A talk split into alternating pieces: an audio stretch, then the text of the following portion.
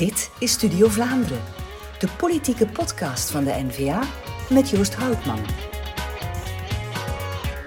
Welkom in weer een nieuwe aflevering van Studio Vlaanderen. Vandaag gaan we het hebben over de nachtmerrie van menig jongeren en zelfs volwassenen toetsen. En wie daarvoor beter geplaatst dan onze eigen minister van Onderwijs, Ben Wijts. Welkom, meneer Wijts. Uh, we gaan het hebben over toetsen, maar niet over de dagelijkse, wekelijkse of maandelijkse toets Latijn, wiskunde, chemie, maar over Vlaamse toetsen. Nu, Vlaamse toetsen, wat is dat voor een beest? Vlaamse toetsen zijn centrale toetsen die we willen invoeren. En meer bepaald in het vierde leerjaar, het zesde leerjaar, in het tweede jaar secundair onderwijs en in het zesde jaar secundair onderwijs.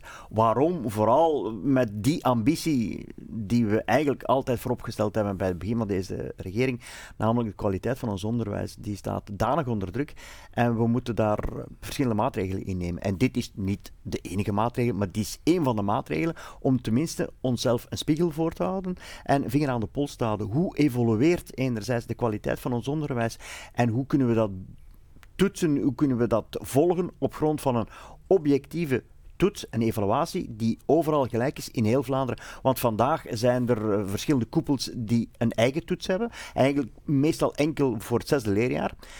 Maar die verschillen allemaal van elkaar. Dus er bestaat niet zoiets als één, gelijke Vlaamse toets. Uh, zoals in de rest van de wereld wel bestaat. In eigenlijk alle OESO-landen heeft men dat wel. En hoe moet ik mij dat dan concreet voorstellen? Dus in het vierde en het zesde uh, leerjaar en zo verder.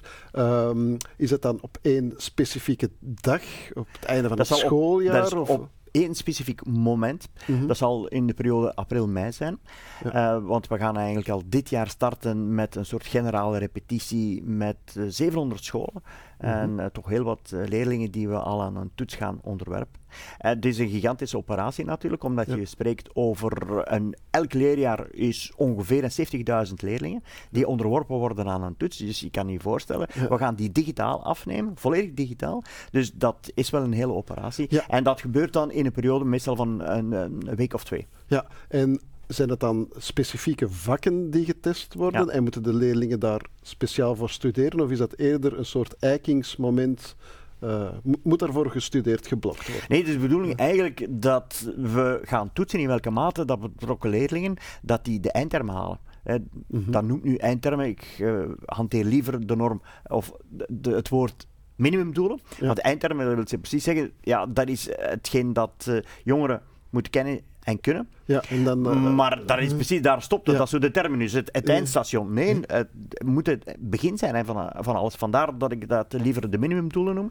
Maar dus, het zijn die minimumdoelen die getoetst worden. In welke mate slagen de jongeren, de kinderen erin, om die minimumdoelen te bereiken. En vandaar gaan we dat dus toetsen in heel Vlaanderen in een periode van twee weken, volledig digitaal, met in eerste instantie focus op de essentie, namelijk op Nederlands en op wiskunde. Dat zijn de vakken die alle andere vakken mogelijk maken en zijn sowieso al een goede graadmeter voor de onderwijskwaliteit in Globo. Die zeggen wel iets, want als het daar fout zit met Nederlands en wiskunde, ja, dan kan je van op aan dat het ook waarschijnlijk met, er, met alle andere vakken fout zit. En maar dit is wat mij betreft natuurlijk een begin. Ik zou heel graag uh, verder bouwen, maar goed, laten we maar beginnen met de essentie, dus met Nederlandse wiskunde. Ja, en wat hangt er vanaf voor de leerling zelf? Voor de leerling zelf, dat is afhankelijk van de school. Wij laten de scholen op dat vlak autonoom. Dus de scholen zelf kunnen die, de resultaten gebruiken in, in hun evaluatie ten aanzien van de leerlingen in kwestie, maar ze zijn daar volledig vrij in. Natuurlijk, als ze dat doen, dan moeten ze dat ook opnemen in het schoolreglement, zodat dat iedereen wel weet waaraan en waaraf. Maar goed, ik denk dat sowieso, vermits er toch wel wat af, van afhangt voor de scholen in kwestie, denk ik sowieso dat een ieder die, eh, die toetsen wel serieus zal nemen hoor. Ja, en wat hangt er vanaf van de, van de scholen zelf? Voor de school zelf? Wel, voor de scholen zelf, wij willen enerzijds ervoor zorgen dat we de scholen een instrument bieden om zichzelf te gaan vergelijken met vergelijkbare scholen. Hm. Ik denk dat heel wat scholen toch wel nieuwsgierig zijn om te weten van hoe presteren wij eigenlijk op vlak van Nederlands en wiskunde ten opzichte van andere scholen die met ons vergelijkbaar zijn op vlak van leerlingenpopulatie. Doen wij dat beter of hebben wij werkpuntjes? Dus dat is één. Twee, hebben we natuurlijk dan ook de vinger aan de pols om de algemene evolutie van onze onderwijskwaliteit te kunnen monitoren. Want vandaag Mhm. hebben we wel wat instrumenten, maar zijn we eigenlijk afhankelijk van buitenlandse onderzoeken. Dat je noemt PISA of Ja. Pearls of, of eh, PIMS, u, TIMS, u kent die wel. Maar die zijn maar om de zoveel jaar, om de vijf jaar, die zijn ook gebaseerd op een steekproef. Ja. En worden uitgevoerd door buitenlandse, on- buitenlandse onderzoeksinstellingen, die we daarvoor trouwens ook nog eens moeten betalen. Ja. Dus daarom zeggen we, laat ons gewoon zelf onze toetsen organiseren. Mhm. Niet op basis van een steekproef en niet om de zoveel jaar, maar jaarlijks en op grond van een toets Maar ik ten aanzien van die wel alle leerlingen. afgeëikt worden aan die internationale eh tests. Vanzelfsprekend zorgen er ook voor dat er een enige vergelijkbaar is. Ja. En trouwens, we gaan ook de onderzoeken in het kader van, van PISA en zo gaan we blijven doen, Mhm. omdat je dan echt een internationale vergelijkbaarheid en een hele reeks van de afgelopen twintig Mhm. jaar ongeveer. En dus kan je ook wel goed zien hoe dat je in dat internationale peloton evolueert. Maar laat ons nu met onze eigen Vlaamse toetsen ervoor zorgen dat we de vinger aan de pols houden, mm, dat we ook kunnen ingrijpen bij die school waar dat er wordt vastgesteld dat men stelselmatig ondermaats scoort. ja, en we wat gaan zou natuurlijk dan kunnen gebeuren? Dat- wel, die moeten begeleid worden. We gaan natuurlijk wel rekening houden met eh, contextuele factoren. De leerlingenpopulatie natuurlijk verschilt, dus daar hou je rekening mee. Maar als je vaststelt dat eh, bepaalde scholen, ja, dat de onderwijskwaliteit de facto ondermaats is, zoals blijkt uit die toetsen, dan gaan we ervoor zorgen dat die scholen ook worden begeleid. En dus dat eh, ook de onderwijsinspectie, ook de pedagogische begeleidingsdiensten, dat die heel specifiek aan de slag gaan om een helpende hand te reiken aan die betrokken scholen. Ja, en worden die scholen dan een soort, eh, in een soort ranking gezet die voor iedereen raadpleegbaar is? Dat is de grote vrees van Ja. velen en, en eigenlijk ook een argument dat men soms gebruikt om wat stokken in de wielen te steken, want deze Vlaamse toetsen, om het eufemistisch te stellen, niet iedereen ziet die graag komen. Ja. En eh, sommigen houden liever vast aan de eigen toetsen, dat is best Ja. gemakkelijk. eh, en men is er heel Het tevreden. kader van de eigen Men is- school dan? Ja. men is heel tevreden over de eigen toetsen. Ja. Dat zal allemaal wel. Maar nu hebben we tenminste een objectief instrument, waardoor dat de scholen zich ook kunnen vergelijken met andere scholen en we kunnen optreden wanneer het nodig is. Dus daar is wel wat terughoudendheid. Een van de tegenkanten die werden opgeworpen is, ja, je gaat er een, een ranking van maken, Mhm. waardoor dat je als het ware scholen op een soort schavot gaat zetten op de beklaagde bank. En waardoor dat er een heel felle maatschappelijke discussies zullen ontstaan. Wel, ik heb van in het begin gezegd, dat is niet de bedoeling. Het Mhm. gaat hem echt over de onderwijskwaliteit. Dat is de eerste, de eerste, het eerste doel.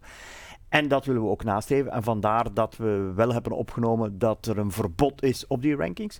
Ja. Eh, d- dat betekent eigenlijk een uitzondering op de openbaarheid van bestuur. Maar dat hebben we wel dichtgeschreven in het decreet dat nu voor ligt. Ja, oké. Het past allemaal in, in, in het traject dat u aan het afleggen bent ter verbetering van, van, van het onderwijs. Eh, u lanceerde ook het idee van, van om het nijpende lerarenkort eh, aan te pakken.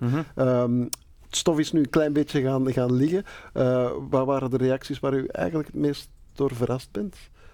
Initia- u, u hebt die initiatieven aangekondigd. Wel, wij, ik blijf werken stap voor stap aan maatregelen om die onderwijskwaliteit te verbeteren en dat leraartekort aan te pakken. En wat dat laatste betreft zegt iedereen altijd, ja, je moet maatregelen nemen. Tot wanneer dat je maatregelen neemt, dan zijn er altijd Ja. velen die zeggen, ja, maar dat is toch wel een probleem en dit en dat. En Ja. ja. in plaats van alles te problematiseren, we kunnen misschien ook bekijken welke opportuniteiten dat met zich meebrengt. Ja. Ik begrijp dat sommigen bezorgd zijn wanneer ik zeg van, kijk, in het secundair onderwijs zijn heel veel vacatures voor een beperkt aantal uren. Mhm. Voor vijf uur Frans, eh, zes uur wiskunde. Wel, als je dat weet en je krijgt die niet ingevuld, kan je dan misschien ook eens kijken naar mensen die vandaag werkzaam zijn in de privésector, die als het even kan ook een pedagogisch bekwaamheidsbewijs hebben, maar dat is geen vereiste, en die dat je vervolgens ook kan te werk stellen voor een beperkt aantal uren. Daarmee kan je tenminste invulling geven aan vacatures die vandaag niet ingevuld blijven. Ja. En dat zorgt toch ook voor het wegnemen van een werkdruk bij al die bestaande leerkrachten die vandaag wel moeten inspringen. Dus. Ja. dat die ook een beetje ontlast worden. Ja. Eh, natuurlijk zal het zo zijn dat er op grond van altijd afspraken zal zijn. De directie beslist altijd wie al dan niet eh, in, Ja. Ja. die- ja, in die uren intreedt. Hè.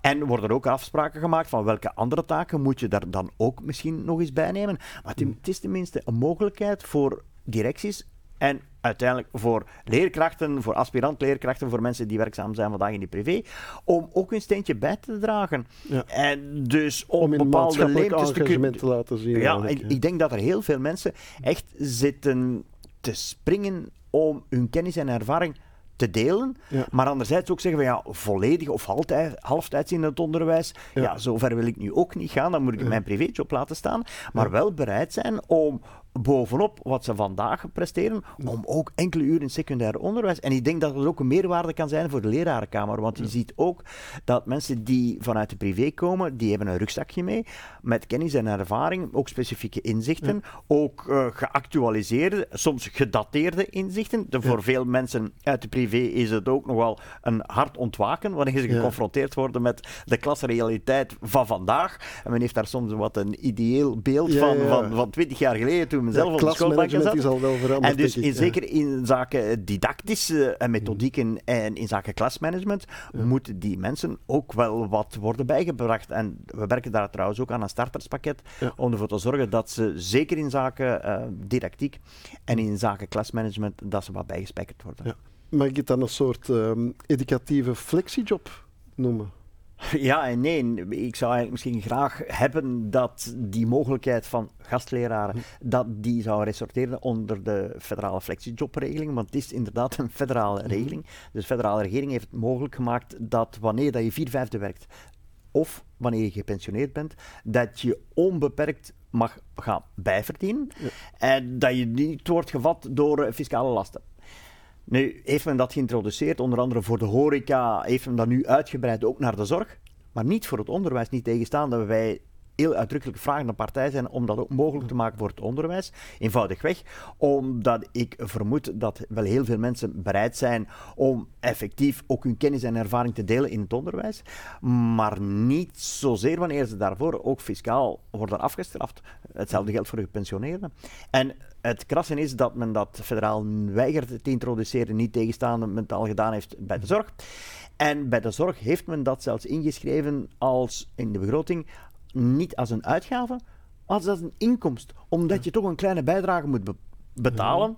Mm, En dus dat men ervan uitgaan, dat niet eh, onterecht denk ik, dat dit zal leiden tot extra inkomsten voor de federale begroting. Wel, wij zijn vanuit onderwijs eh, heel sterk vragende partij om een bijdrage te mogen leveren aan de federale begroting. En om het dus mogelijk te maken dat je enkele uren ja, onbelast kan bijverdienen door je kennis en ervaring ter beschikking te stellen van heel wat jongeren en eh, scholen in zowel secundair onderwijs als Ja, basisonderwijs. dat je zo je eigenlijk je maatschappelijk engagement een beetje kan eh, in de praktijk brengen, zonder je eigen job eh, op te moeten geven. Wel, ik ga ervan uit dat wel velen vragende partij zijn om hun kennis en ervaring ter beschikking te stellen. En zeker diegenen die een pedagogisch bekwaamheidsbewijs hebben. Maar dat men denkt van ja, ik wil wel een bijdrage leveren aan dat onderwijs, maar niet voltijds of zelfs niet halftijds, want dan moet ik af- afscheid nemen van mijn bestaande job.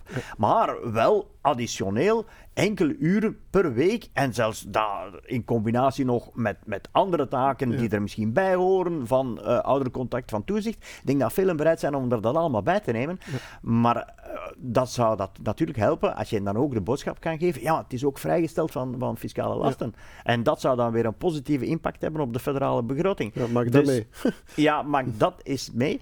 En wanneer dat je iedereen vraagt dat partij is en dat men toch altijd van, vanuit die federale regering zegt nee, voor onderwijs eh, gaan we dat niet doen. Voor zorg wel, maar voor onderwijs niet. Ja, het, het, het onderwijs ligt ja, iedereen na aan het hart, maar het werk lijkt nooit af. Hè? Nee, we hebben het er juist Ja. over die Vlaamse toetsen gehad. We hebben het nu over dat, dat nijpend lerarentekort en hoe we dat eventueel kunnen remediëren gehad. Maar wat nog? Hè? Het. Het is Maar als het gaat over de onderwijskwaliteit, ja, als het gaat over de onderwijskwaliteit, als ik daar nog twee puntjes mag, eh, mag aanraken, dan denk ik focus op de essentie en eh, op excellentie. Focussen op de essentie, waarbij ik echt, en zeker ook in basisonderwijs, wil beklemtonen dat de vakken die alle andere vakken mogelijk maken, dat dat Nederlands en wiskunde zijn, slash rekenen.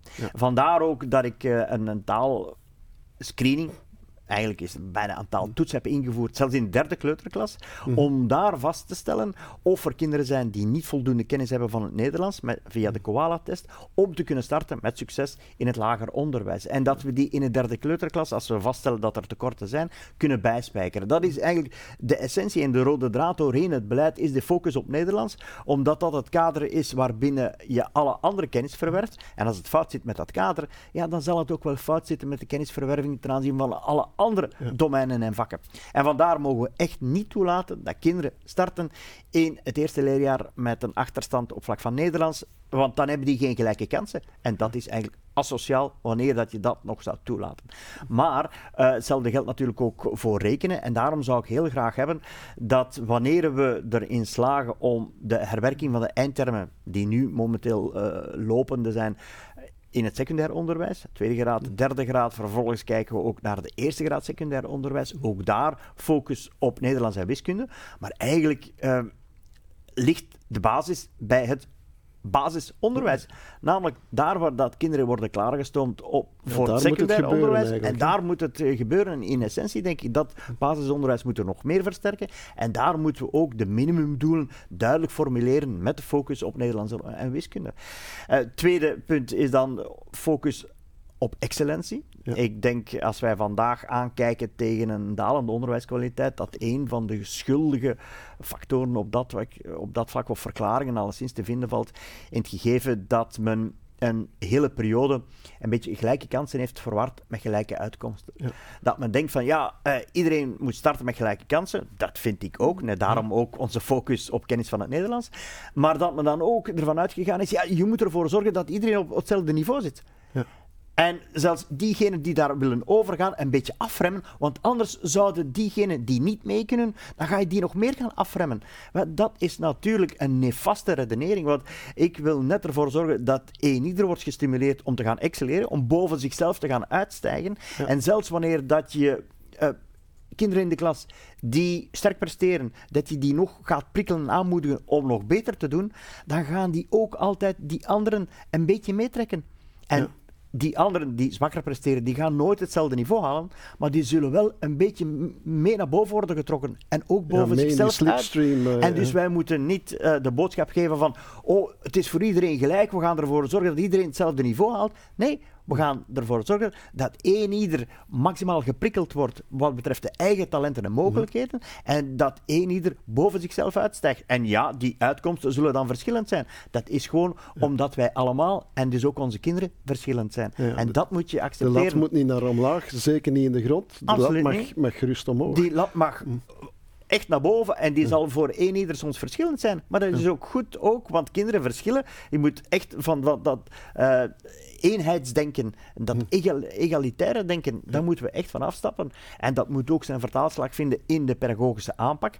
Ik wil ook wat komaf maken met heel die discussies rond pretpedagogiek, rond uh, vernieuwende methodieken, die je vandaag nog altijd leest, dat, men, dat sommige leerkrachten communiceren heel fier, en ik begrijp de goede intenties, maar heel fier communiceren communiceren, dat ze niet langer gaan werken met punten, maar met, met lettertjes of, of met, met smileys of wat dan ook, met duimpjes.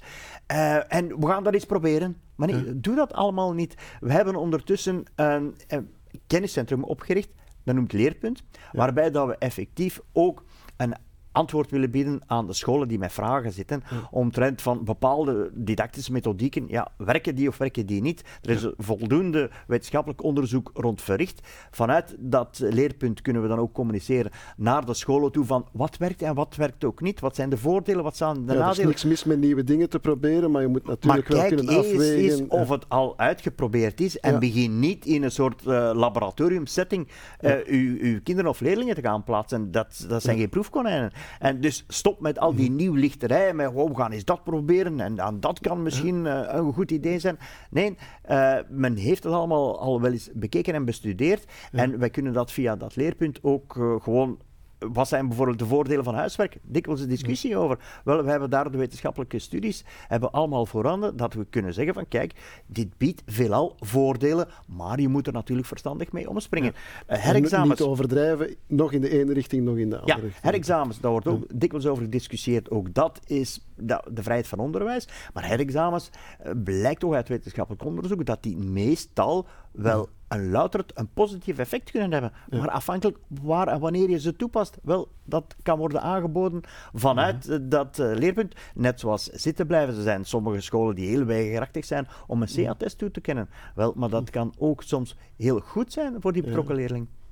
Over dat leerpunt gesproken. Ik denk dat u punt wel gemaakt hebt dat we ambitieus mogen zijn en blijven in dit onderwijs. En dat geldt natuurlijk ook voor de minister van Onderwijs zelf. Ben Wijts, hartelijk dank voor deze heldere uitleg. En een van de dingetjes die in het onderwijs toch ook aan bod komt, is het onderscheid maken tussen feit of fictie. En wil dat nu net onze volgende rubriek zijn. Hallo allemaal, ik ben Peter de Rover, federaal fractieleider van de NVA. Welkom bij Feit of Fictie. Vandaag wil ik het met jullie hebben over een uitspraak van de CD&V-voorzitter Sami Medi, die beweerde namelijk dat de NVA de indexering van de pensioenen wil afschaffen. Kortom, gepensioneerden, let op voor de stoute NVA. Maar dat is natuurlijk uh, fictie. Wij vinden dat uitkeringen zoals pensioenen van mensen die een leven lang gewerkt hebben, dat die natuurlijk moeten mee evolueren en dat die koopkracht moet beschermd worden. Wat uh, Sami Medi beweert is dan ook volkomen fictie. Um, wat wel een feit is, is dat de Vivaldi-begroting bloedrood is. En dat we eigenlijk moeten gaan vrezen, zoals Europa zegt, voor de duurzaamheid van ons pensioenstelsel. En daar durft die regering met de PS-minister Lalieu geen enkele maatregel nemen. Die kan garanderen dat we morgen ook die pensioenen aan de mensen die, het, uh, die ervoor gewerkt hebben, dat die pensioenen ook morgen kunnen worden uitbetaald. En wat helemaal verbaast is dat Sami Medi in alle talen zwijgt over het uh, voorstel tot fiscale hervorming van uh, minister Van Petegem, ook een CD&V. Die voorziet niet dat er een belastingsverlaging komt voor gepensioneerden, maar jawel, ze mogen wel de btw-verhoging volop meebetalen. Kortom, hoe zit het met die koopkracht, meneer Medi? Hoe zit het met de koopkracht van de gepensioneerden in de fiscale hervorming van CD&V? Daar zou ik ook wel een antwoord op willen. Dit was een educatieve aflevering van Studio Vlaanderen. Ik dank mijn gasten, maar ik dank ook vooral u om te kijken en te luisteren. Op naar een volgende Studio Vlaanderen.